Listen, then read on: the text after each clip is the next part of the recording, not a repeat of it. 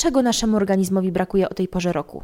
Ogólnie y, nie ma tak, że co sezon to inne zapotrzebowanie, no bo bilans y, odżywienia musi się zawsze zgadzać, czyli czy to jest lato, jesień, zima, no to ogólnie y, rzecz biorąc organizm potrzebuje diety zbilansowanej, czyli kompletnej. Natomiast faktycznie z, jakby z dostępem do pewnych źródeł witamin, no w okresie zimowym jest troszeczkę gorzej, ale co nas wtedy ratuje? No oczywiście nieodzowna ta aura witaminowa jest na przykład w kiszonkach. W ogóle jak rozmawiam z pacjentami albo skupiamy się na tej sezonowości w diecie, to tutaj zimą e, szerzą się takie dwa pola tematyczne. Jedna to jest odporność, czyli jak budować odporność w tym okresie, no bo ogólnie rzecz biorąc nie ma innego źródła budowania odporności poza tym, co idzie z żywieniem. Oczywiście, że jest jeszcze profilaktyka, czyli mycie rąk, unikanie powiedzmy osób przeziębionych czy chorych. Natomiast e, to, co robią nasze jelita, czyli tam, gdzie powstaje nasza odporność, no to tak jak sobie ten, tą, tą odporność zbudujemy dietetycznie, to potem nie będziemy w ogóle chorować. Więc to jest jeden temat. A drugi temat to jest taki, co zrobić, żeby w tym okresie zimowym na przykład nie przytyć, czyli jak dalej dbać o sylwetkę, no bo ogólnie e, jest takie szeroko pojmowane stwierdzenie, że zimą zawsze troszeczkę się opatulimy tym tłuszczykiem.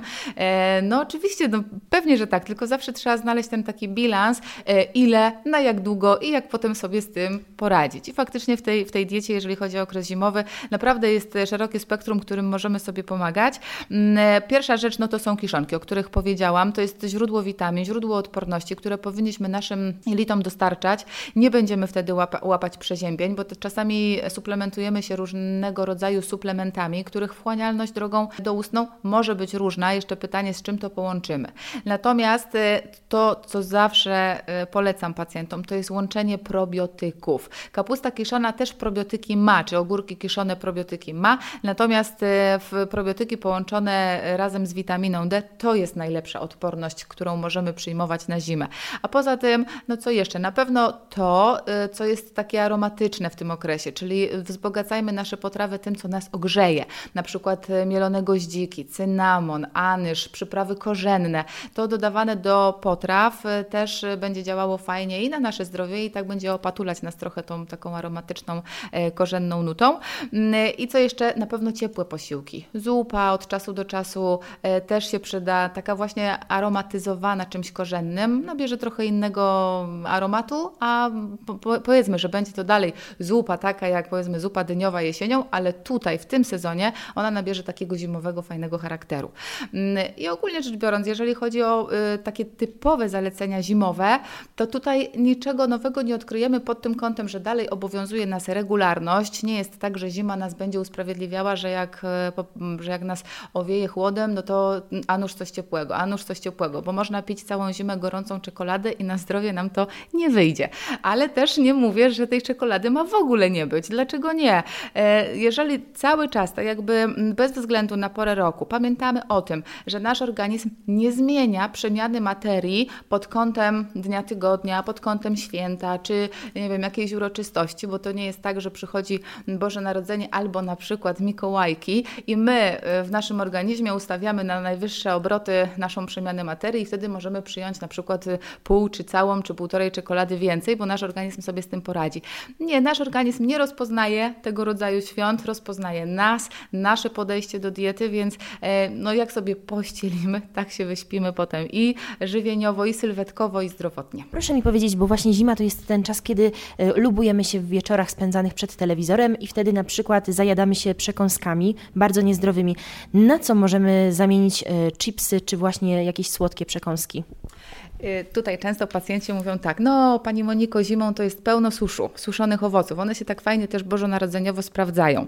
No ale pamiętajmy, że podjadanie, jakie ono by nie było zdrowe, czyli możemy chrupać też i marchewki, możemy chrupać nawet garściami kapustę kiszoną wieczorem e, przed telewizorem. No na pewno będzie to zamienienie gorszego na lepsze, ale mimo wszystko, jeżeli chodzi o cykl żywieniowy, dalej to nie jest po drodze z naszym zdrowiem, a już na pewno nie z sylwetką.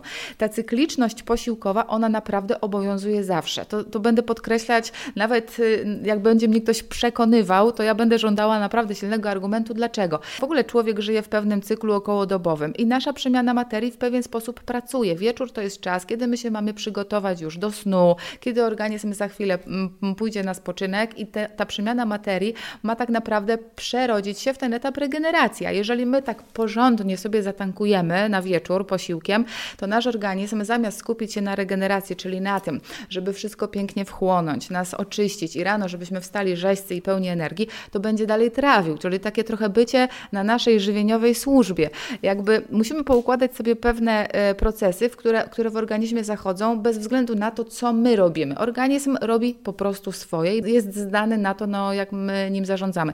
Dlatego wieczorem naprawdę kolacja oczywiście nie ma takiej zasady. Obalam mit, że do 18 i później już nic, dlatego że różne są nasze grafiki e, zawodowe czy też e, domowe, jeżeli chodzi o obszar i zakres czynności czy obowiązków. Jeżeli ktoś, nie wiem, na nockę pracuje, to nie będzie o 18 jadł ostatniego posiłku. No musi wziąć coś, co będzie go dalej napędzać na e, zmianie. Natomiast no, mniej więcej te 2-3 godziny przed snem powinniśmy zjeść, potem już nie powinniśmy spożywać posiłku. Możemy oczywiście pić rzeczy, które nie zawierają cukru, czyli jakieś płyny, mięty, rumianki, coś takiego, nawet właśnie jakaś korzenna herbata, super się sprawdzi. Tak jakby e, rozwiejmy w, po, po mieszkaniu czy w naszych domach ten, ten zapach aury tej nuty świątecznej typu mielony goździk, e, trochę pomarańczy. Niech ten zapach nas tak ogrzeje, ociepli, ale niekoniecznie musimy zaraz te, te 3 czy 4 pomarańcze wcinać.